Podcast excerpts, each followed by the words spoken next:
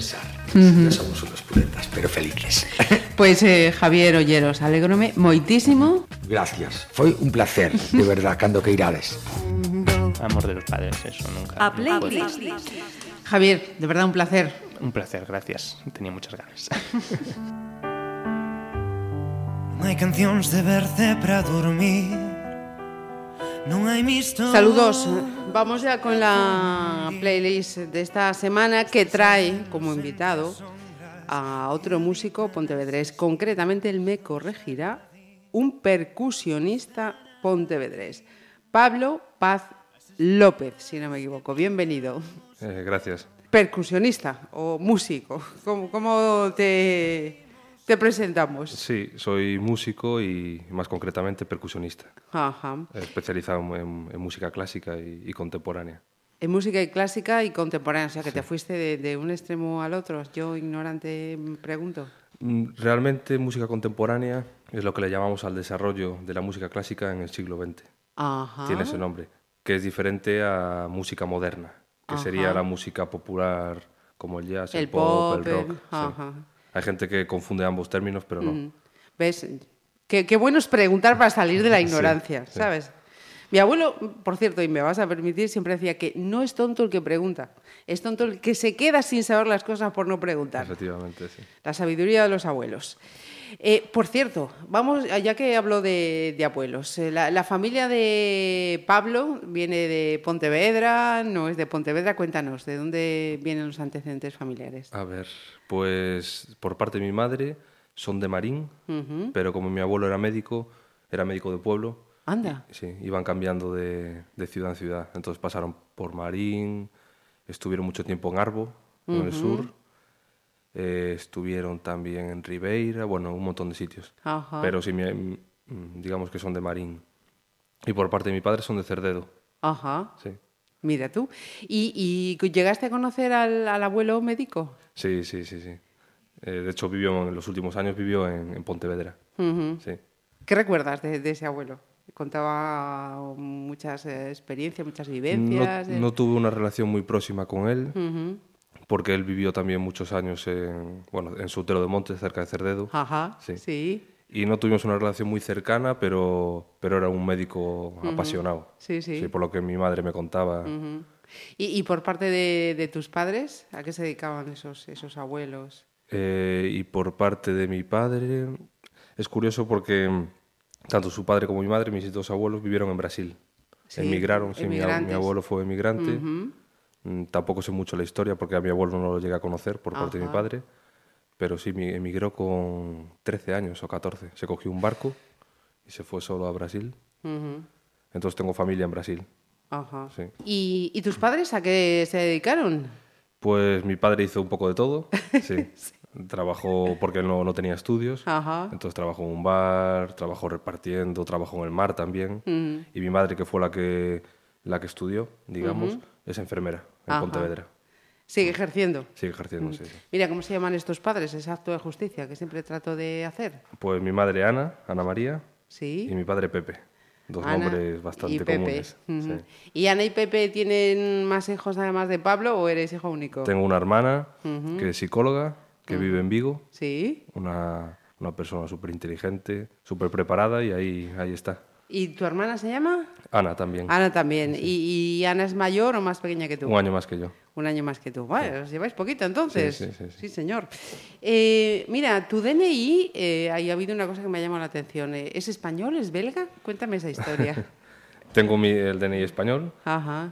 pero como llevo tres años eh, viviendo en Bélgica, me he hecho una especie de DNI belga, que es una carta de residente, no sé muy bien, pero sí tiene, tengo un número, mi número nacional belga, con el que hago todos los Ajá. trámites. Y hace poco subí una foto en Facebook para hacerle una, una broma a mi madre Sí. y puse, ya con el DNI belga hecho, ya no vuelvo más. O sea que eh, ahora en Pontevedra estás temporalmente. Ahora es curioso porque hice unas, unas pruebas para el Conservatorio de Tui Ajá. y me cogieron. Sí. Y entonces ahora mismo estoy cubriendo una baja de, como profesor de percusión. Ajá. Vale, vale, vale, vale. Entonces estoy ahora estos meses en, en Pontevedra, entre Pontevedra y Tui. Ujú. De- ¿Desde cuándo? Pues desde hace 15 días. 15 ditas, o sea Sí. que te hemos pillado casi... Sí, me reincorporé a la baja, sí, hace dos semanas. Ujú. ¿Y cómo está siendo la experiencia así en estas dos semanitas? Muy bien, muy bien. Llevaba ocho años fuera de Galicia, sin solamente venía en vacaciones y genial. La verdad que estoy como de- redescubriendo Sí. Galicia otra vez. Claro, mira que no es listo, Pablo. Y además se viene ahora en invierno, que empieza el frío, el mal tiempo. Claro, claro, claro. Sí, sí, sí, sí. Mira, eh, cuéntanos, ¿con qué vamos a abrir esta playlist? ¿Cuál va a ser el primer tema que vamos a escuchar y, y- y por qué lo has elegido? Pues el primer tema se llama Soul Sacrifice y es de Santana, que bueno, yo creo que todos lo conocemos. Es un grupo liderado por Carlos Santana y sacaron un primer disco en el año 69 que fue todo, todo un éxito y para mí ese disco significa mucho porque mm, fue un regalo que me hizo mi tío, un tío que tengo en, en Betanzos Ah. y me dijo, escucha este disco y empieza a escuchar buena música. Yo era un adolescente y cuando, puse, cuando me puse el disco me quedé maravillado.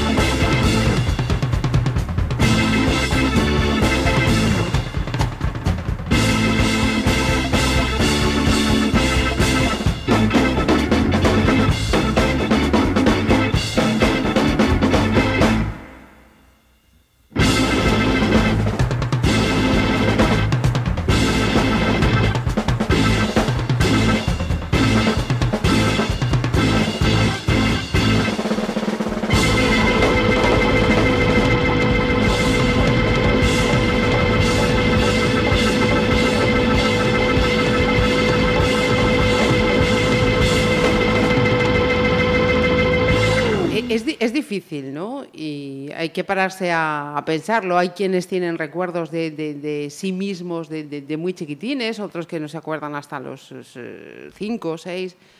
Si te pregunto, ¿cuáles son los primeros recuerdos mm, de, tu infancia que, que- que tienes ahí guardados? ¿Dónde están? ¿A dónde te llevan? ¿Recuerdos en general o musicales? No, no, en, general, en general, sí, sí. Pues me llevan a, a la calle de Altamira, Ajá. que es una callecita, un barrio que hay en San Antoniño, Sí. aquí cerca, que fue donde me crié, Ajá. hasta los 8 o 9 años. Y de ahí tengo la mayoría de recuerdos de mi infancia, entre esa calle y Barcelos, que, que era Ajá. mi colegio.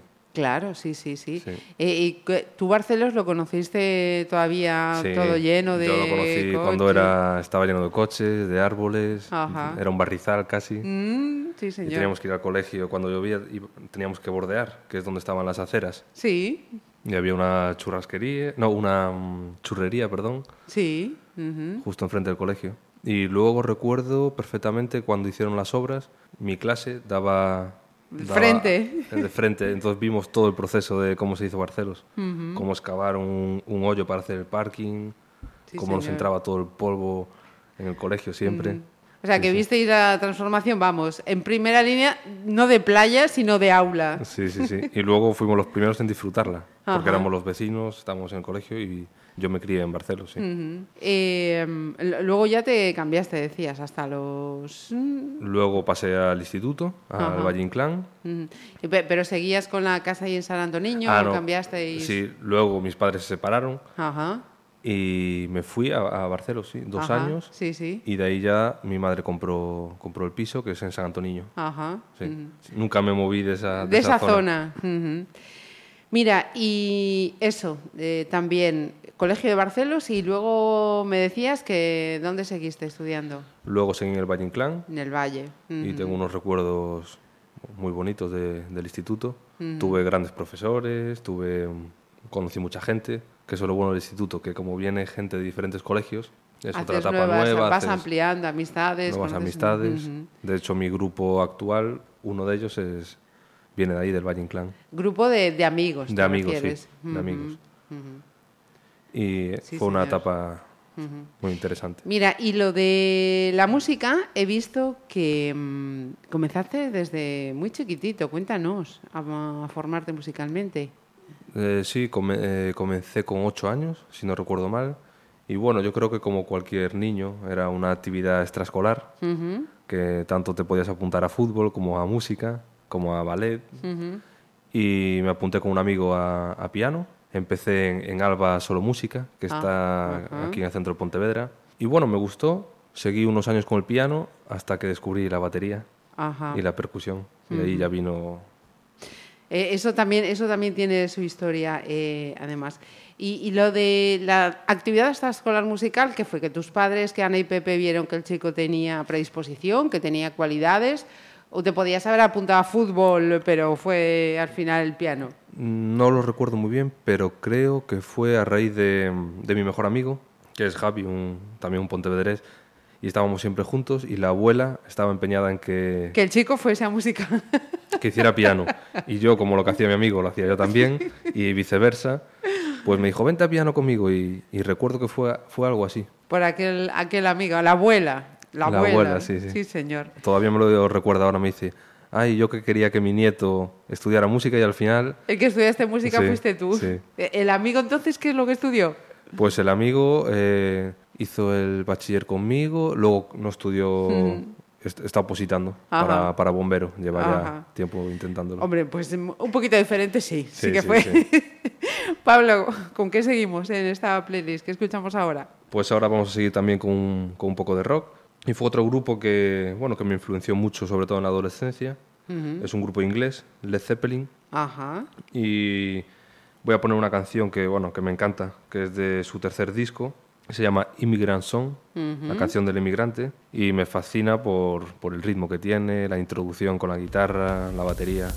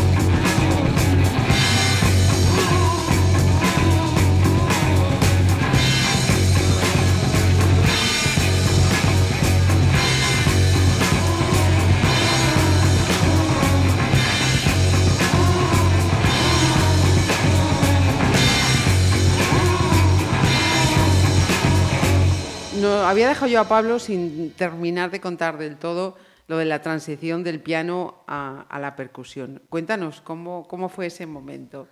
Pues ese momento sí que lo recuerdo de forma muy nítida, porque estaba veraneando en Vitoria, que es donde vive mi tía, íbamos todos los veranos con mi madre, y, y su marido, mi tío, me dijo, vente conmigo que tengo que ir a visitar a un amigo que tiene un local de ensayo, donde ensayan varias bandas, y me acompañas y, ¿Y ves? y ves un poco, ya que tocas el piano, te, te enseño un poco el local, etcétera. Y fui y, y al, al entrar, me recuerdo, entramos en, en el ensayo de un grupo que era muy famoso de aquella, que se llamaba Betagarri, era un grupo vasco, Ajá, sí. y vi una batería y yo dije, ¿y esto? ¿Qué es una batería, no? Ah, sí, ¿quieres probarla? Me senté en la batería, eché dos horas, recuerdo, dando golpes sin sentido y desde aquel momento le, le dije a mi Sabías madre, que eso era Sí, lo sí, tuyo. Le dije a mi madre, quiero tocar la batería. Y mi madre, bueno, sigue con el piano, que esto es un capricho ahora, ya se, te- se te va a olvidar. Ella pensaba que se me iba a olvidar. Pasó un año, quiero, quiero tocar la batería. Hasta que al final me tuvo que apuntar al conservatorio. Ana, que el chico fue eso. Amor a primera vista, Sí, como se sí. suele decir. Sí, señor. Eh, ¿Qué edad tenías de, de aquella?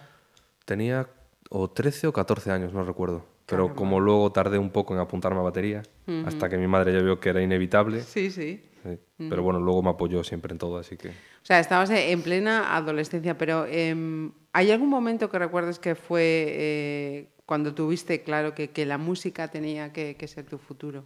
No hubo un momento específico. Yo creo que fue como nos pasa a la mayoría de músicos, fue algo natural. Cada vez la música va Absorbiéndote más. absorbiéndote más, ocupando más espacio en tu vida. Y llega un momento que ya cuando tienes que decidir qué vas a hacer de tu vida, que es a los 17 años, cuando haces el selectivo, ya te planteas, dices, bueno, si, y si tiro por la carrera de música. Y fue así. eh, un poco para no perder la vía universitaria, hice magisterio. Ajá. En- bueno, sí, me gustaba bastante, me gusta mucho la, la docencia. Entonces tiré un poco por la vía universitaria mientras seguía paralelamente con el conservatorio. Ujú. Conservatorio de aquí de Pontevedra. Sí. Mira, vamos a hacer otra, otra pausa porque mm, ya, ya has entrado por donde quería yo que fuera. ¿Qué vamos a escuchar ahora como tercera selección? Pues como tercera selección elegí un tema de, de música folk de un grupo gallego que ya no, actualmente ya no trabajan juntos, pero me influenció muchísimo porque de hecho, eh, paralela- paralelamente al rock, a mí me gustaba mucho también la, la la música folk tradicional gallega Ajá. y de hecho tuve un grupo en Pontevedra que se llama Freilex, con el que empecé con Ángel, con Ángel Paz. Ah, es que decía yo, ese nombre a mí me suena, sí, señor. Y hacíamos eso, hacíamos una mezcla entre pop, rock, con música folk, utilizábamos gaita, whistle irlandés. Sí.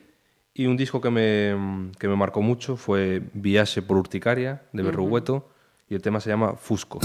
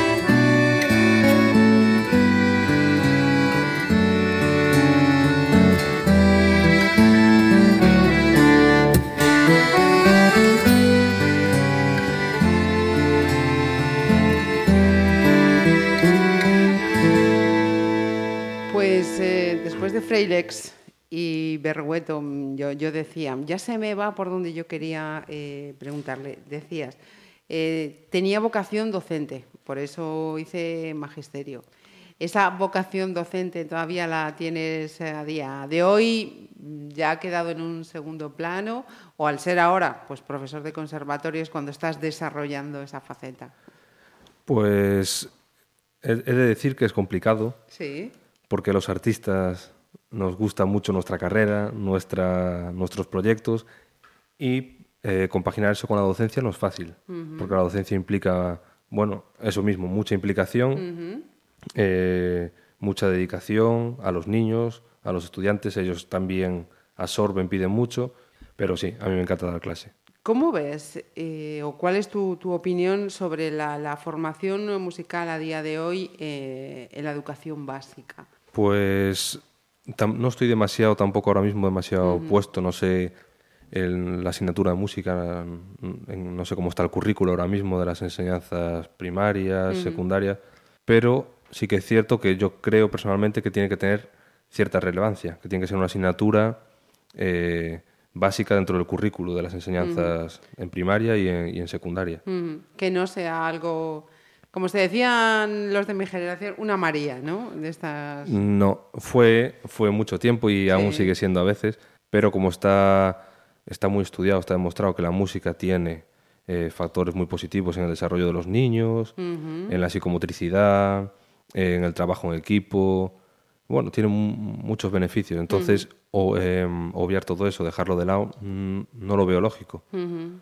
Nos estamos perdiendo muchas posibilidades al dejar de lado algunas asignaturas. Sí, yo creo que sí. Mira, y magisterio lo hiciste aquí en la Universidad de, de Vigo, aquí en, en Pontevedra. Sí, magisterio lo hice aquí en, en Pontevedra, en la Universidad de Vigo, y también fue una experiencia genial. La experiencia universitaria siempre siempre es buena, sobre todo porque además te tocan unos años de descubrimiento, acabas de dejar el instituto, todo es nuevo, y, y muy bien, tuve muy buenos profesores, buenos compañeros. De hecho, la mayoría ahora mismo son profesores de, de primaria, Ajá. grandes profesionales, porque ya aprovecho para reivindicar la figura del profesor de, de la gente que ha hecho magisterio y que se dedican ahora a ser profesores. Mucha gente que piensa que es una carrera fácil, una carrera... Bueno, no, no, no se trata tanto si es fácil o difícil, sino de, de lo que se aprende De- y lo que vas a aportar. Mm, efectivamente. Y de lo que transmites, ¿no? Y lo que transmites. Tienes que tener una sensibilidad especial para luego trabajar en un colegio. Sin y, duda. y hoy en día la gente está súper preparada. Porque además eso, eh, depende de, de- de los profesores que un niño le guste el estudio, que no le guste el estudio, que, que- que aborrezca una asignatura, que le guste, que sienta curiosidad, que fomente esas ganas de, de aprender. Para mí es una de esas profesiones fundamen- fundamentales. fundamentales. Mira, ¿y, y Badajoz? ¿Por qué? ¿Qué pasó luego con Badajoz? Badajoz, bueno, eso fue otra etapa muy importante en mi vida y llegó un poco por, mm, no voy a decir por azar, por- pero de como decimos, de rebote, De rebote. porque iba, acabé el grado profesional en Pontevedra y de ahí tienes que pasar a un, segun- a un tercer nivel, que es el último, que es el grado superior en Ajá. el conservatorio, que es como la carrera. Hice las pruebas en Coruña, no me fueron bien y un amigo me comentó, prueba en, en Badajoz, que todavía está el plazo, el plazo abierto. En España se había, se había acabado el plazo en la mayoría de conservatorios. Ajá. Me dijo, prueba en Badajoz y a ver si hay suerte. Y, y mi idea no, mi idea era quedarme en Galicia un año más y volver a intentarlo. Pero no, me fui hasta Badajoz. El 1 de julio hice las pruebas y recuerdo el calor que hacía. bueno, me puedo y, imaginar. y el co- fue un, un choque brutal, un contraste de Galicia a Extremadura. Claro. Bueno, pues no- nos quedamos en ese 1 de julio. Mm, Vamos a hacer una, una pausita. ¿Qué vamos a escuchar ahora? Pues ahora vamos a seguir con música gallega, con folk, Ajá. que tanto me influenció y tanto, tanto me gusta. Y un disco que se llama A Irmandad de las Estrellas, de Carlos Núñez, que fue muy famoso, creo que fue su primer disco, no recuerdo bien. Y hay una canción, un, un arreglo que hace Carlos Núñez, de- se llama Cantigueiras, donde cantan las pandereteiras de Siradela. Y bueno, la primera vez que escuché ese arreglo, cuando la- escuchando las voces de las cantareiras, las panderetas, esa fuerza, esa, esa mezcla entre música tradicional y música moderna, yo me quedé, como dije antes, maravillado. Y me parece, creo que es- hay que escucharlo.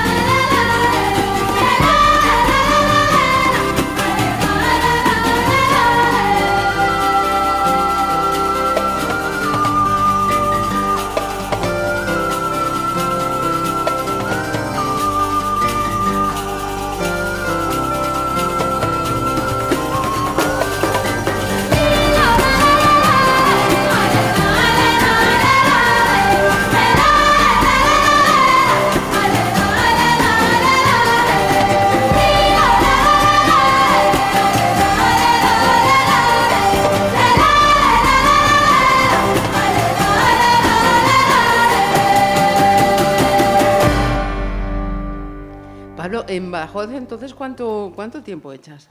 Pues en, en Badajoz estuve cinco años en total. Cinco años, casi nada. Sí, ya tenía, ya tenía casi mi vida hecha allí. Eh, fueron cinco años porque decidí hacer la carrera en cinco, normalmente son cuatro. Y llegué y fue una experiencia mm, eso, de muchos contrastes, sobre todo en lo cultural, en lo estético, pero de la que aprendí muchísimo. De hecho, yo considero que ahí me formé un poco como artista clásico y, y contemporáneo. Ujú. Eh, ¿Mantienes eh, vínculos con esa etapa, vínculos personales, vínculos profesionales? Sí, sí. De hecho, voy casi todos los años a hacer proyectos allí, a Badajoz. Desde que me fui, que fue hace tres años, eh, he ido mínimo una vez al año. Y tengo muchos amigos, claro. Lógico, me Sí, sí. imagino. Y- Mira, ¿y, y cómo se lleva eso de, de la tierra extremeña, que es tan, tan diferente a la gallega? Sí, de hecho, bueno, Extremadura, digamos que tiene como dos culturas, la cultura, la cultura de- del norte, que es la de Cáceres, y la cultura del sur, que es la de Badajoz.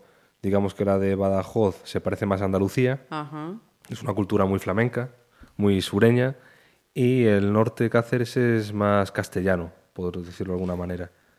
Y a mí me tocó vivir en Badajoz, que es la, cultura la parte flamenca. más, más del sur, ¿no? Efectivamente. Por ahí, por algún sitio, tenía yo prevista una pregunta relacionada con el flamenco, no se, no se me escape. No se me escape. Eh, para, para luego, a medida que, vayamos hablando. Eh, dices cinco años en Extremadura. Y luego, ¿cómo es el, el momento de, de marcharte a, a Bélgica? ¿Qué es lo que pasa para que Pablo diga, bueno, pues un poquito más lejos, así como quien no quiere las cosas? Sí, pues fue un poco como lo que comentaba antes, fue un cambio de ciclo. Una vez que acabas el grado superior, pu- puedes decidir eh, finalizar tus estudios o acceder a un máster. Entonces yo tuve el debate interno de si quería seguir en Extremadura, tenía mi trabajo ya, yo era profesor allí, en escuelas de música, Ajá. tenía varios proyectos, pero ya tenía 28 años y tenía la espinita clavada de no, de no haberme ido nunca al extranjero. Entonces hice pruebas en varios países, hice pruebas en Lisboa, me aceptaron, hice pruebas en Bélgica y luego una vez ya sabía que estaba aceptado en Portugal, en España y en Bélgica, dije a ver, ¿qué me interesa más, qué no? Y bueno, al final decidí, me, me fui un poco así sin nada, dejé el trabajo Ajá. y me fui un poco a, a la aventura. A la aventura. Sí. Y fue concretamente a Lieja. Efectivamente, fue a, a Lieja, que es una ciudad en la parte francófona de, de Bélgica, y es, es una zona donde se habla francés. Es la parte un poquito más empobrecida de, de Bélgica, que la gente no, no, no lo sabe. La gente conoce sobre todo la parte flamenca, por Brujas, eh, Antwerpen. efectivamente, Amberes, eh, Gante. Y luego está la otra parte, que es la que yo he vivido, que, que a mí me encanta, que es Balonia, se llama. Ajá. Sí. Y ahí me fui a estudiar y me- justamente con dos profesores que me interesaba mucho, de, de un ensemble muy famoso que se llama Ictus. Ajá. Sí. Y allí me fui un par de años y fue, fue intenso, digamos. Mira, ilústranos, acabas de decir eh, dos profesores de un ensemble. Sí. Para los ignorantes, cuéntanos, ¿e- ¿eso qué es? Pues un ensemble es una formación que nació en el siglo XX, más o menos, en la segunda mitad, y son un grupo de músicos, bastante, la plantilla bastante más reducida que la orquesta, y dedicado sobre todo a la música contemporánea, Ajá. Eso sí es un ensemble de música contemporánea. Puede haber ensembles de música barroca, etcétera. Pero en, mi- en el caso, cuando yo hablo de ensemble, me refiero a una formación pequeña, entre 5 o 15 músicos, que hacen un repertorio, en este caso, contemporáneo, experimental, vanguardista. Habéis aprendido, ¿no? Mira que además de músico es profe y luego nos pasa, nos pasa examen. Em, de, de esas etapas, Pablo, universidad, bueno, estás cerca de casa, estás en casa prácticamente, pero eh, universidad magisterio, eh, esos cinco años en Badajoz o, o el salto a, a Bélgica, eh, ¿dónde, ¿dónde siente Pablo que ya es un, un tipo hecho a sí mismo que tiene totalmente las riendas de su vida ya? Bueno, es curioso, porque siento constantemente que no tengo las riendas de mi vida. Es, yo creo que es un sentimiento común a, a la mayoría de músicos que estamos intentando desarrollar una carrera. Ajá. siempre tienes ese sentimiento, pero eh, digamos que como profesional, como artista, fue en Bélgica donde sentí que sabía lo que quería hacer, que estaba llevando una carrera ya enfocada hacia, bueno, por un camino. Sí, fue claramente en Bélgica, porque en Badajoz todavía era estudiante, Sí. todavía estaba formándome. Sí, fue claramente en, en Bélgica. ¿Y, ¿Y cómo llevabas o llevas eso de estar lejos de casa? Bueno, lo, lo llevo bien. Me gusta la, la aventura, me gusta mucho. Es curioso, porque siempre digo que, que cuando estás en un país que no conoces a nadie y en una ciudad como estoy ahora, que es Bruselas, sientes mucha libertad, porque no conoces a nadie, hay gente que va y viene constantemente y no sé, a mí me aporta una sensación de libertad. Pero sí que es cierto que ya ahora que ya tengo 30 años, voy para 31, me empieza a llamar de nuevo la casiña, la casa, la casa, los amigos, a Terriña, sí. Eh, antes de hacerte la, la siguiente pregunta, que creo que eh, es para una respuesta eh, más, eh, más larga, si te parece, vamos, vamos a escuchar otra, mm, otra de tus selecciones. Pues mira, ahora vamos a cambiar también un poco de, de género, de estilo, y vamos a escuchar eh, a Michel Camilo, que es un pianista. Ah, explícame, lo voy a descubrir esta vez. Sí, de hecho vino a Galicia, eh, vino a tocar a Galicia hace unos años, que fuimos a verlo. Es un pianista que se dedica a hacer Latin jazz, es decir, jazz latino. Ajá. Y yo lo conocí por un documental de Fernando Trueba que se llama Calle 54. sí. Ah, sí, sí. Fue un documental muy famoso y a mí me marcó totalmente ese documental. Ah. Lo vi por la televisión, me acuerdo, cuando todavía no conocía YouTube y claro, me quedé sorprendidísimo. No sabía que existía e- esa música. Yo, yo conocía la música latina, tocaba ya música latina un poco, Sí. las congas, la percusión cubana y cuando vi esa mezcla de jazz con música latina fue impresionante. Y este es un te- el- uno de los temas que más me, me marcó, que es muy famoso. Sí, sí. Se llama From Within y, y bueno, ya se va a escuchar claramente la influencia del jazz y de la música latina.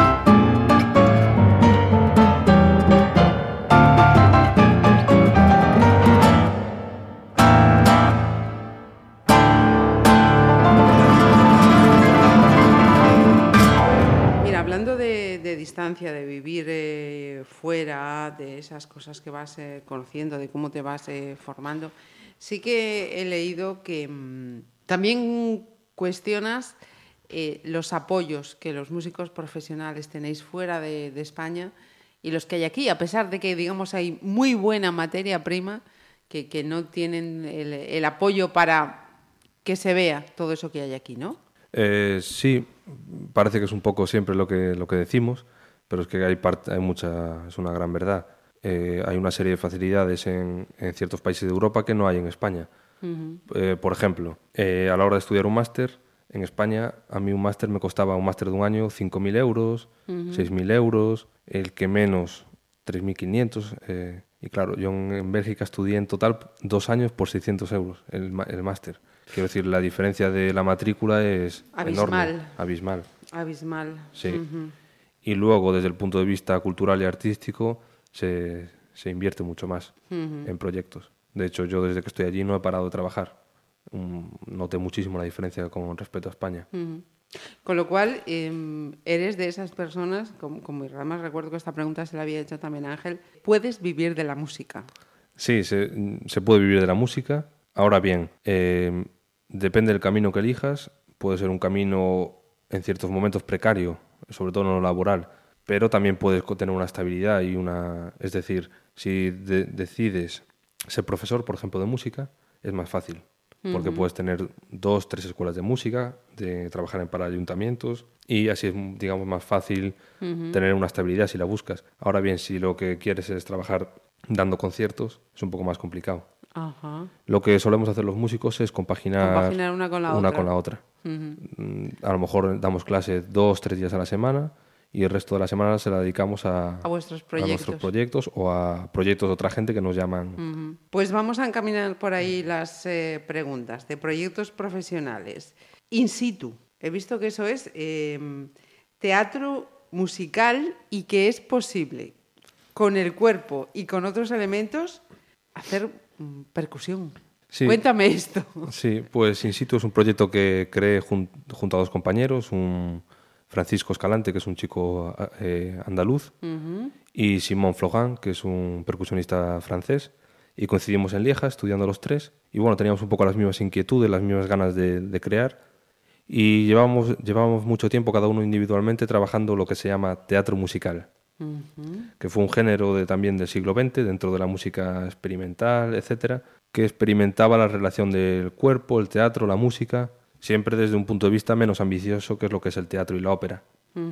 Es- fue como eso, algo mucho más pequeño, más experimental, venía un poco de la performance. Y eso, yo llevaba ya como dos años trabajando en ese tipo de género y decidimos formar el, el- el trío. Y es eso, es lo que, lo que tú comentabas. Es una mezcla de teatro, música y percusión corporal. Vamos ahora con otro palo, con el flamenco. Eh, y creo que ahí podemos hablar de contenco. Sí, Contenco. sí. Cuéntame. Pues Contenco es otro proyecto que, que creamos eh, justamente el mismo año, mi primer año cuando llegué a Bélgica. Lo creó mi, pareja, que es María Domínguez, es pianista. Ajá. Sí. Y, y nació a raíz de una colaboración que hice yo con, con Paco Mora, que es un bailador malagueño, que residía en aquel momento en Badajoz. Y tuvimos eh, bueno, la suerte de trabajar juntos en una escuela. Él daba baile, yo daba percusión. Y le propuse hacer una, una colaboración para mi examen final de carrera. Sí. Y creamos una pieza entre los dos para, para mesa percutida y baile. Eh, cuando hice el examen vino mi pareja a verme y le gustó muchísimo el proyecto. Dijo, aquí veo, veo mucho Aquí tirón, sí, sí, chicha". aquí veo muchas posibilidades. Entonces llamó a- cuando nos fuimos a, yo me fui a Bélgica y ella estaba en Holanda, llamamos a, a Paco Mora, al bailador, y dijimos, vamos a crear este proyecto. Y fue eso, fue una mezcla entre flamenco y música contemporánea, música experimental. Ajá. Sí. Mira, y mm, hablando de, de flamenco, quería preguntar a, a un profesional de, de la música, eh, ¿cómo ve eso de que ahora eh, haya mucha gente joven que se esté acercando al flamenco gracias a artistas como, por ejemplo, Rosalía? Bueno, pues yo lo veo positivo. Lo que pasa es que eh, en el flamenco hay... Es, es- es un mundo complejo, es un mundo muy, muy bonito. Yo tampoco soy flamenco, tampoco lo conozco demasiado, pero como viví en Badajoz, que Está Bada- ahí pegada. Badajoz es una, una ciudad mm, flamenca, porque lo que no sabe mucha gente es que en España el flamenco viene de Andalucía, pero Extremadura tiene también mucho flamenco, tiene sus palos propios regionales, como son los tangos extremeños y los jaleos extremeños. Ajá. Murcia también tiene flamenco. Ah, Murcia lo desconocía. Sí. Luego, Madrid es una comunidad muy fuerte en el flamenco porque los flamencos emigraron, eh, Cataluña, Cataluña, también. sí. ujú. Pero Extremadura está un poco olvidada. Pero bueno, de ahí de Badajoz vienen los chunguitos, la azúcar moreno, Ujú. eh, los percusionistas de Paco Lucía son de Badajoz. Ya tú. Me quedo contigo. La de vueltas que ha dado. Sí. La de vueltas que ha dado. Eh, y nos ha nombrado una cosa bastante importante en la vida de cualquier persona, pero vamos a escuchar algo antes de hablar de ello o de ella. Cuéntame, ¿qué vamos a escuchar? Pues ahora vamos a escuchar eh, un grupo eh, americano que se llama Screaming Headless Torsos. Hemos cambiado de escenario entonces totalmente a lo Sí. último. Vale. Pero tiene relación porque, bueno, estoy poniendo un poco diferentes temas que fueron... Para ver diferentes, diferentes, palos, eh, ya que hablamos sí. de flamenco, que te han ido... y sobre todo etapas de mi vida como músico. Sí. Y del jazz, del Latin jazz, empecé a profundizar un poco en los diferentes estilos que había en el jazz. Ajá. Y uno de ellos era lo que llamamos jazz fusion. Ajá. Y bueno, no es que este grupo sea exactamente jazz fusion, bueno, o sí, tiene influencias del funky también. Y bueno, fue un conocí al cantante, vino a un curso a un curso que había muy famoso de jazz y de música moderna en Monforte de Lemos Ajá. y él estuvo allí la vez que yo fui. Y de ahí me viene un poco el interés por el grupo. La canción se llama, a ver si encu- Smile in a Wave, sonriendo en una, En una, en una ola. ola. Ujú. Y bueno, es un grupo cañero.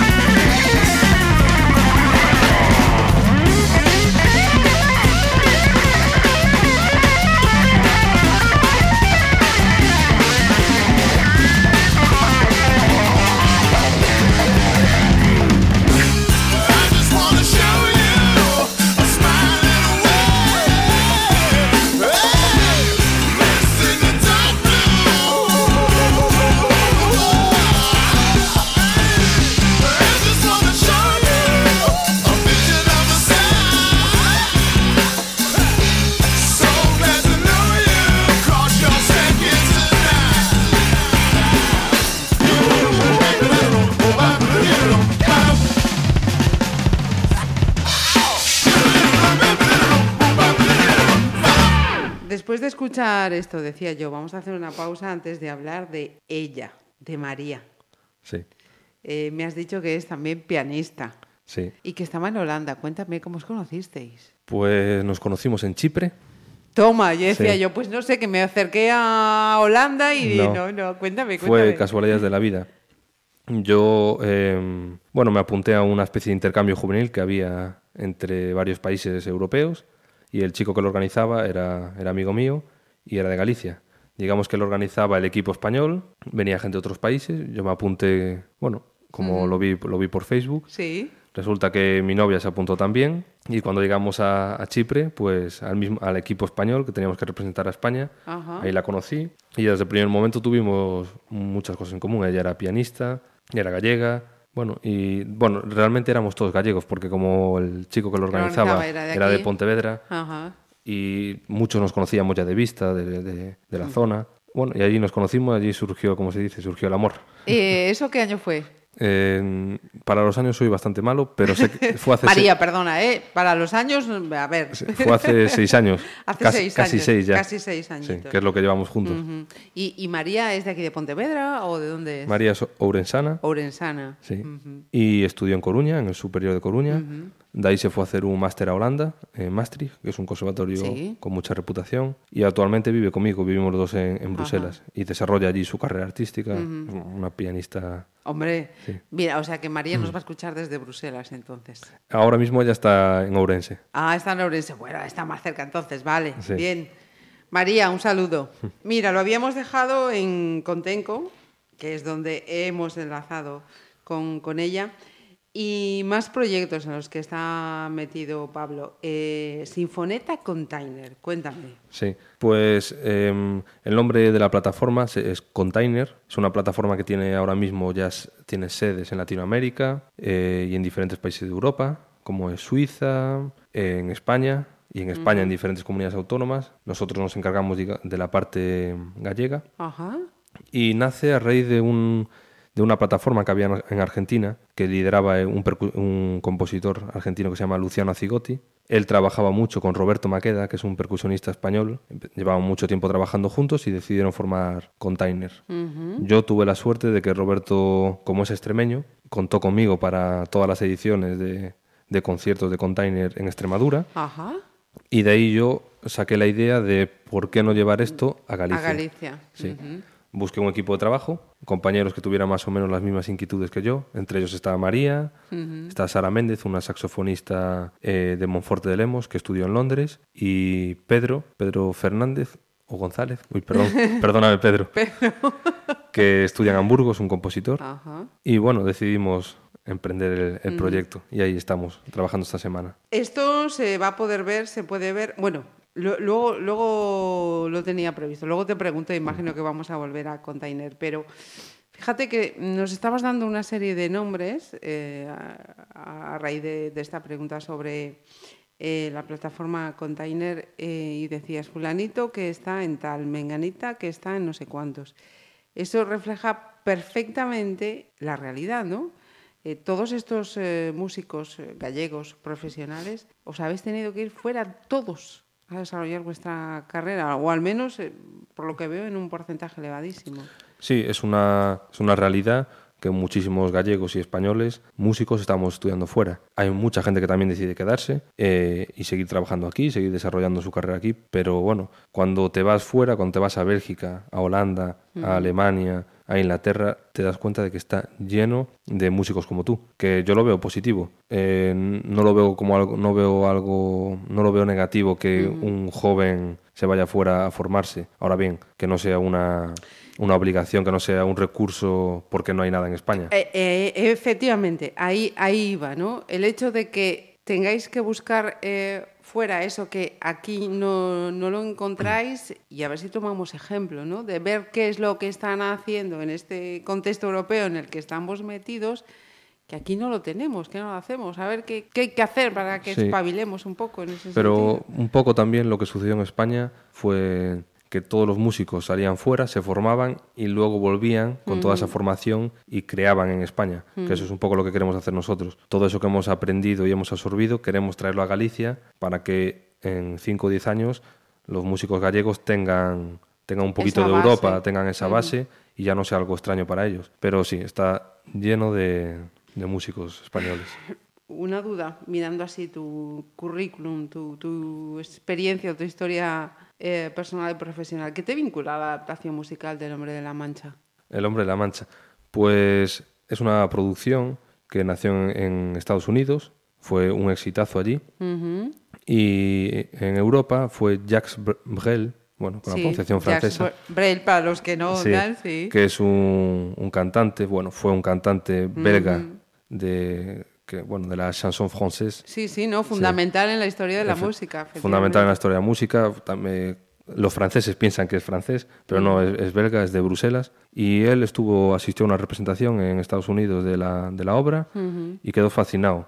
Quedó fascinado sobre todo por la figura de, de Don Quijote de la Mancha, que es como un idealista, una persona que, bueno, que no está bien de la cabeza, pero que realmente eh, describe muy bien lo que es una persona idealista, que ve donde hay un, un albergue, ve un castillo, donde, donde hay una, bueno, una mujer que no es una princesa, él ve una doncella, y él se quedó fascinado porque él se reconocía a sí mismo. Él, él se creía, bueno, él creía eso en, en una serie de ideales, y dijo, pues voy a traducir la, la obra al francés y la voy a llevar a Europa. Y eso hizo, la, la estrenó con La Monet, que es la ópera nacional belga, que tiene sede, en Bruselas. Y ahora, muchos años después, el mismo teatro de La Monet, de la ópera, ha decidido eh, rehacer la obra junto a... Es una producción que la hacen con el Teatro Real Flamenco, el Teatro de Lieja. Y bueno, mm, necesitaban un percusionista y sonó el teléfono, como pasa a veces que te llaman. Ajá. Y claro, te llaman por un proyecto así y, Y alucinas. y alucinas, sí. De hecho, me acaban de escribir hace dos días que vamos a volver a hacer otra gira en Bélgica. Ajá. En el 2000, ahora en el- lo que queda de 2019. Ujú. Vamos a hacer 16 conciertos por Amberes, Bruselas. Así que muy, Caramba. muy contento, sí. Sí, señor, sí, señor. ¿Y Analogy Fair? Sí, Analogy Fair es el nombre que con In situ le damos a nuestro espectáculo. Ah, Sí. Es decir, es el nombre del espectáculo de, de mi Del que grupo In situ. hablábamos antes. Efectivamente. Vale, vale, vale. Yo pensé que era otro diferente. Mm, No. Mira, y con, con orquestas, eh, ¿me podrías de- decir en cuántas has formado parte? ¿O hay tantas, tantas que me dices, buf, ahora a contártelas sería dificilísimo? No, hay menos de las que me gustaría. Siempre. Caray, pues la lista me ha parecido ver que es bastante larga, ¿eh? Sí, eso vino, sobre todo me llegó el último año. Pues bueno, un poco por, siempre digo, un poco suerte, un poco fruto del trabajo. Empecé a trabajar en algunas de las principales orquestas de Bélgica. Con la que más trabajé es con la Orquesta Filarmónica de, de Lieja, que es la orquesta de la ciudad. Una orquesta buenísima.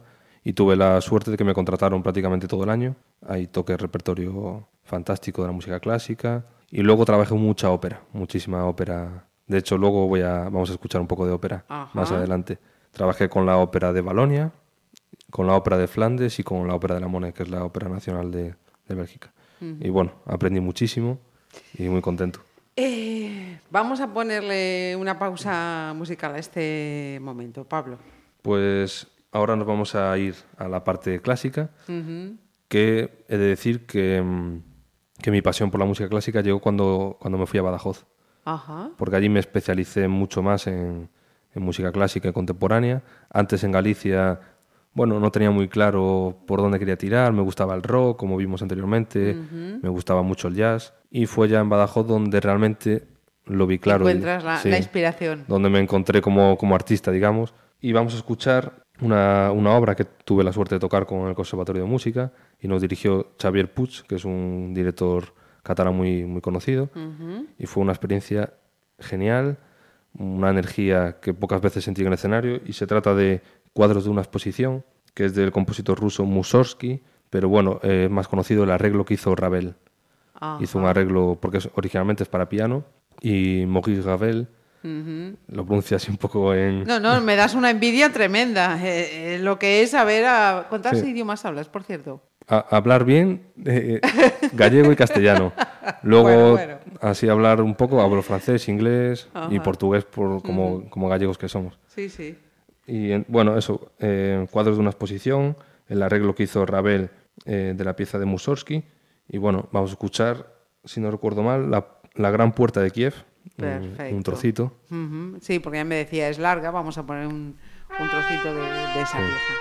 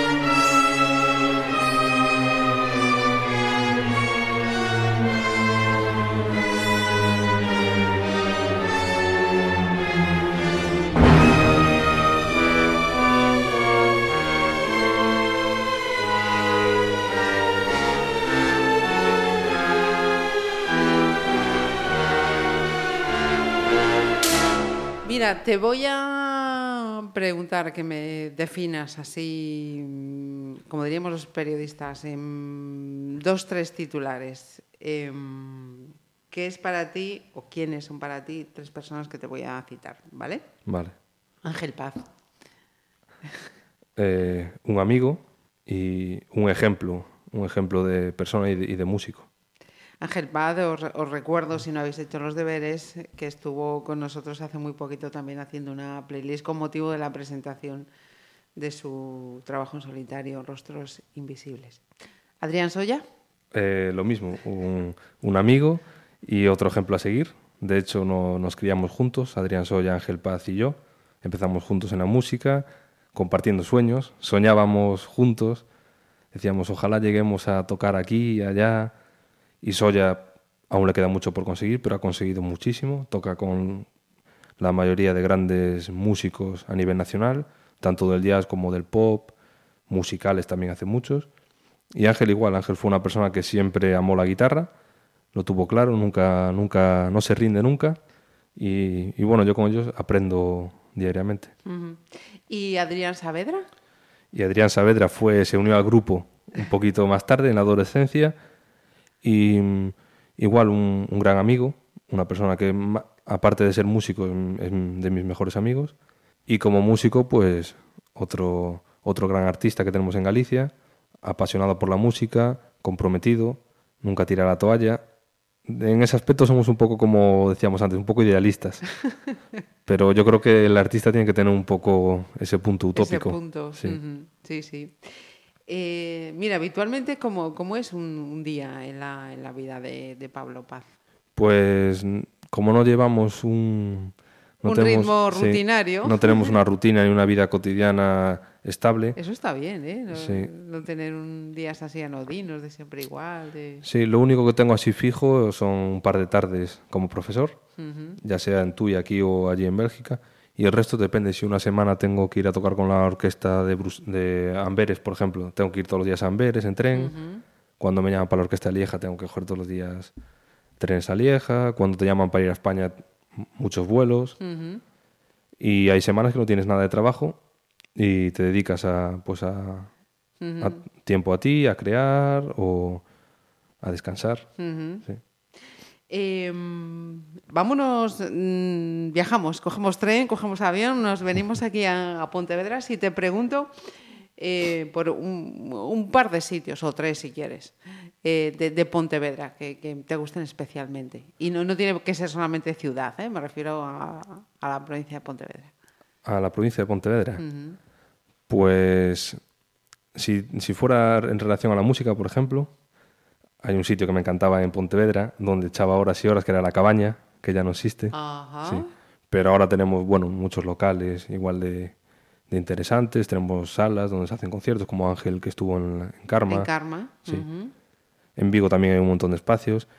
Y si nos vamos a, a algo, algo que no tenga que ver con la música, mm, toda la ría de Pontevedra me encanta, por ejemplo, por naturaleza. Me gusta mucho Barosa, Ajá. sí, en Barro, Sí. Voy mucho. Luego me encanta la ría de Vigo, toda la zona de Cangas, Cabo Home. Ah, sí, señor. Ahí tengo que ir siempre. Ajá, sí, Sí, sí. Eh, y eso que lo de Cabo me se ha mm, desvirtuado muchísimo, ¿eh? de lo que era hace 20 años a hoy. Hace 20 años eh, eran los de allí y, y cuatro o cinco los que iban hasta allí, tal, tal, y ahora ya es casi como esas Sí. lamentables fotos del Everest, ¿no? La gente haciendo fila para cuando llega el atardecer y ver cómo cae el sol allí, todos en manada. Sí. Y seguramente se irá a más. Cuando lo empiecen a preparar todavía más. Ah, sí, sí. sí, en fin, en fin. Mira, y para va- vamos a quedar bien con, con María, para aquello de que es orensana. Eh, Si, si ampliamos el círculo en, en Galicia, Pues mm, Ourense yo no lo conocía demasiado Mm. y María es de la Pobra de Tribes, ajá, sí. concretamente, ahí vive su padre y esa zona es impresionante. Está Cabeza de Manzaneda, Sí. para los que les gusta esquiar, pero aparte están los cañones del Sir, cerca, Ujú, Ribeira Sacra. sí, y la Ribera Sacra. Hay muchísimos restos de, eh, de la época romana. Está a, a Ponte Vivei, no sé si os suena. ¿No? Pues es un puente romano que está intacto, todavía se utiliza hoy en día y es impresionante. Yo siempre digo que entre ese puente y el de Alcántara, el, el que está en Extremadura, que es de los más famosos en España, Sí. son, digamos, los dos puentes romanos. Es una zona impresionante, la zona de, de Tribes. Ajá. Pues recomendación además turística que nos acaba de hacer Pablo. Vamos a ponerle música.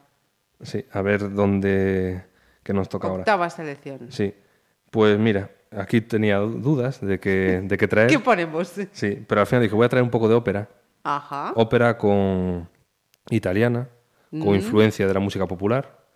¿Por qué? Pues como este año trabajé mucha ópera, y entonces me llegó, escuché mucho. y voy a traer eh, El Trovador, Il Trovatore, de Giuseppe Verdi. Ajá, Verdi. Sí. Ese, el acto 3, que es muy famoso, se llama La Singarela, que es la, quiere decir la gitana. Y bueno, es un como muy popular. Sí. eh, ya lo vamos a escuchar ahora. Y bueno, por acercar también la ópera un poco a- al público, como digamos siempre está, es como la gran desconocida, o, o eso creo yo. Ajá. Y sobre todo en sí. Galicia, que casi no tenemos ópera. Se hace, pero no, no demasiado. Bueno, a ver si le gusta a la gente. A ver si enganchamos, ¿no? Sí.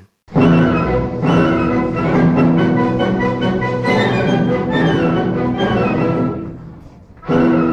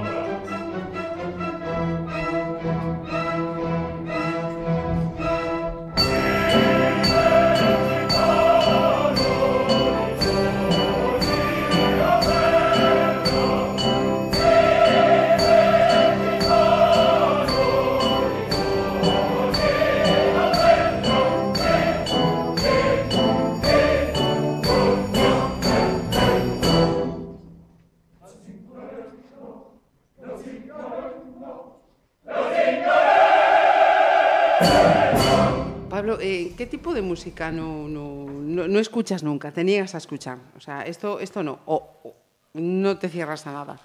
No, no me cierra nada, escucho prácticamente todo. De hecho, me gustan ciertos estilos que la gente me dice, ¿cómo te gusta esto si, si eres músico clásico y te Por gusta... ejemplo? Pues me gusta el reggaetón, Ajá. Fíjate, no lo hubiera dicho nunca. sí, Sí, me gusta sí. el pop Ajá. y bueno, no tengo, no tengo reparo en decirlo. Me gusta mucho la música de baile urbana. Sí. No me gusta, lo que no me gusta es esa parte, digamos, que puede tener el reggaetón un poco machista. Sí. Eso creo que está cambiando, pero no me gusta. Pero luego, a la hora de salir, de ir a tomar unas copas, me, Ajá. es un estilo que me gusta. Me gusta Rosalía, por ejemplo. Sí, Mira, y, todo. y hablando de Rosalía, fíjate, eh, no ha visto las preguntas, ¿eh? os lo puedo prometer, vamos, pon- con la mano sobre la mesa. Eh, a raíz de, de otra entrevista, mm, dije yo, le voy a, le, voy a preguntar. Eh, me decía, es que mm, Rosalía eh, rompió mm, con, con el ritmo y con el compás que había hasta el, hasta el momento, ¿no? Em, Vuelvo a una frase que ya he dicho varias veces en esta charla, pa- pa- para ignorantes. ¿Nos explicarías la diferencia o, o qué es el ritmo y qué es el compás? Uf, es una, una pregunta técnica. El compás es como está organizado, como organizamos la música en pequeñas secciones. Es decir, el compás tiene es un espacio, un pequeño espacio, ya puede ser de tres partes, de cuatro partes, de dos partes, y sobre eso estructuramos toda la música. Y el ritmo es todo lo que puede ir dentro de, de un compás. Ritmo puede ser el, el latido del corazón, lleva un ritmo. Ritmo va también muy ligado, que no es lo mismo con la pulsación, Ajá. Pero si no es lo mismo, compás, compás es algo más genérico, es una forma de organización de la música. Y normalmente suelen tener, en, el- en la música pop y rock son, suelen ser compases de 4x4, es decir, cuatro partes, cuatro, cuatro pulsos. Y entonces, en relación a Rosalía, Rosalía lo que, lo que ha hecho con su productor El es añadir, com- sí, añadir compases típicos del flamenco que nunca pensaríamos que, que entrarían en la música pop o comercial. Por ejemplo, el tema de Pienso en tu mira, ¿puede Pienso ser? en tu mira, Sí. tu mira. claro, Ahí eh, creo que es compás, no sé, no- ahora no recuerdo bien, o compás de bulería o de solea, pero bueno, es, es parecido. Es un compás típicamente flamenco, de 12 partes, y eso nadie pensaría que se podría vender como lo vende Rosalía. Ahí está la magia de su productor y de ella, que han conseguido hacer de algo que no es nada comercial, lo han, lo han arreglado de una manera para mí genial. Ajá. Eh, segunda clase en este programa de hoy. Bueno, ¿eh? casi me, Tomar pi- nota. me pillaste con lo de compás y ritmo, pero Ahora mismo, en tu vida actual, ¿qué, qué- pedirías algo en el ámbito personal? ¿Echarías, ¿Echas en falta algo en el ámbito personal? ¿O estás satisfecho? mm, bueno, estoy relativamente satisfecho. Nunca sabes, eh, tampoco sabría si pedir más o no, pero bueno, tengo, como decimos siempre, tengo buenos amigos, una pareja extraordinaria, una familia también. sí. Lo que siempre pido más es en el ámbito profesional. Nunca nos Vamos llega. ahí, nunca nos llega. ahí va. ¿Qué echas de menos entonces en la parte profesional? Pues en la parte profesional eh, he tenido dos años muy buenos, entonces me estoy satisfecho, digamos, pero lo que pido es que siga, En que esa se, línea, ¿no? que se mantenga así. Ajá. Sí, sí. Eh, después de Verdi, ¿qué toca escuchar ahora, Pablo? Y ahora nos vamos a ir a- al estilo al que ahora me dedico, sobre todo, al que dedico mi tiempo, mi esfuerzo, y que es lo que llamamos música contemporánea, que es como explicaba antes. Es el desarrollo natural de la música, música clásica. clásica en el siglo XX y XXI, con un carácter siempre mucho más experimental. Bueno, es una, tiene una historia muy, muy larga, y como es un poco también el proyecto que voy a hacer ahora la semana que viene en Galicia, que es Container, Container hablábamos Galicia, antes. sí. Ujú. Entonces vamos a escuchar a, a un compositor minimalista americano, a ver si lo pronuncio bien, Steve Reich, Ajá. que bueno, es una de las figuras más importantes dentro del minimalismo repetitivo, eh, junto a Philip Glass, que también es muy famoso, hace música de cine. No es que sea el minimalismo, tiene una parte vanguardista que, que se forma a través de muy poco material musical, explotando, bueno, eso, unos recursos mínimos musicales. En este caso son frases muy repetitivas que se van superponiendo. Y vamos a escuchar Drumming, que es una de las grandes obras maestras de, de este compositor, y vamos a escuchar la, la- la segunda parte, que vamos a escuchar marimbas, xilófonos, y bueno, a ver, qué, a ver si ¿Qué gusta. os parece? Sí. Eh, de esta también vamos a escuchar un trocito, ¿no? ¿O Sí, vamos a escuchar un trocito del segundo movimiento. Perfecto.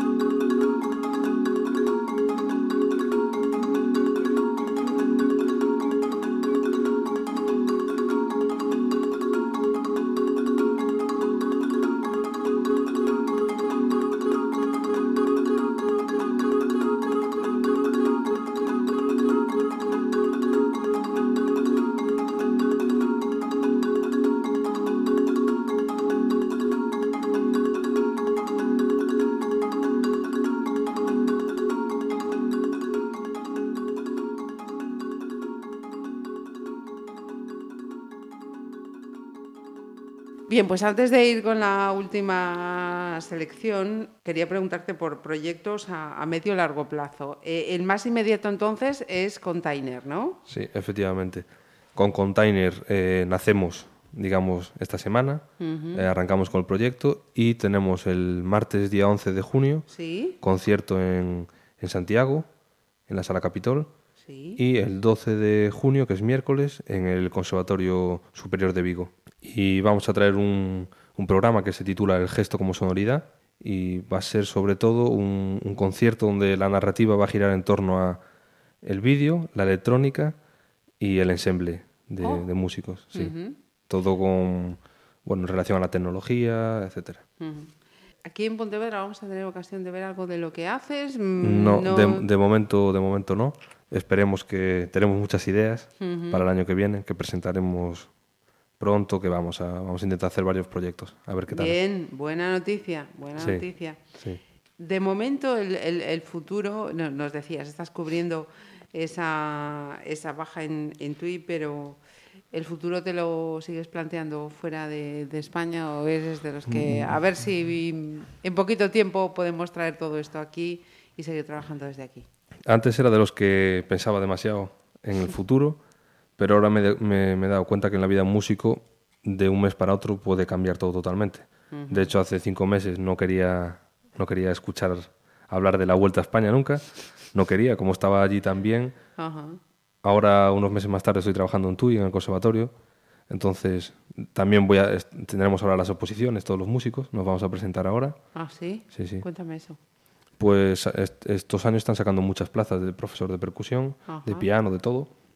Entonces hay que aprovechar. Yo tengo ahora en Aragón, Anda, tengo las oposiciones, es decir, quizás el año que viene estoy en Aragón. te Nunca vas a buena sabe. tierra. Si es que te toca, te advierto que te vas a muy buena tierra. Qué bien, qué bien. No te puedo hablar bueno. absolutamente nada mal de ella. Sí. Eh, mira, si te pregunto, en estos años de trayectoria profesional, un, un concierto que recuerdes especialmente. Pues recuerdo especial, tengo de muchos. Uno de ellos fue el que comenté antes, que escuchamos de cu- cuadros de una exposición de Mussorgsky. Fue un concierto en el, si no recuerdo mal, Palacio de Congresos de Badajoz. Y fue espectacular. Por la fuerza de la música, del director, de los músicos que estábamos en ese momento en la orquesta. Eso lo recuerdo, fue un- tengo un recuerdo muy especial. Y otro importantísimo fue cuando llegué a Lieja. La primera producción que hicimos con la clase de percusión fue Drumming, que venimos de, Ajá. acabamos de escucharla ahora. Es una hora de concierto en el que está- hay que estar muy, muy concentrado. Y fue un festival, estaba lleno y sobre todo lleno de, de jóvenes universitarios, que normalmente siempre los conciertos de música clásica tenemos un público Sí, de Eh, una cierta edad sí, hacia arriba. Sí, una cierta edad hacia arriba. Eh, sí, es la, casi el público que solemos tener. Es público mayor o estudiantes. Claro, Sí. efectivamente. Pero este fue un caso bastante anecdótico porque era un festival de música electrónica y ahí estábamos nosotros por el medio y abríamos el festival. Y lo recuerdo, la gente de pie, no había sitio, hubo una energía especial, sí, sí, sí. Ese fue uno de los mejores conciertos que he hecho. ¿Qué, qué le pedirías entonces a, a esta profesión aquí en, en Galicia? Si, Eh. si pudieras te- tener el poder de decisión, decir, mira, esto mm, tiene que ser por aquí para que las cosas cambien, ¿qué pedirías? Bueno, parece una pregunta fácil, pero no lo es. Efectivamente, no, no, no Sí, es en primero porque llevo muchos años fuera de Galicia, entonces como que estoy, como te decía antes, redescubriendo un poco todo. Sí. Llevo también unos años fuera de España, pero si fuera así desde un punto general, eh, sobre todo inversión por parte de, bueno, de, de los ayuntamientos, que es con los que más trabajamos, a niveles más grandes, supongo que también a nivel legal, algo no sé, en relación a la Junta, etcétera.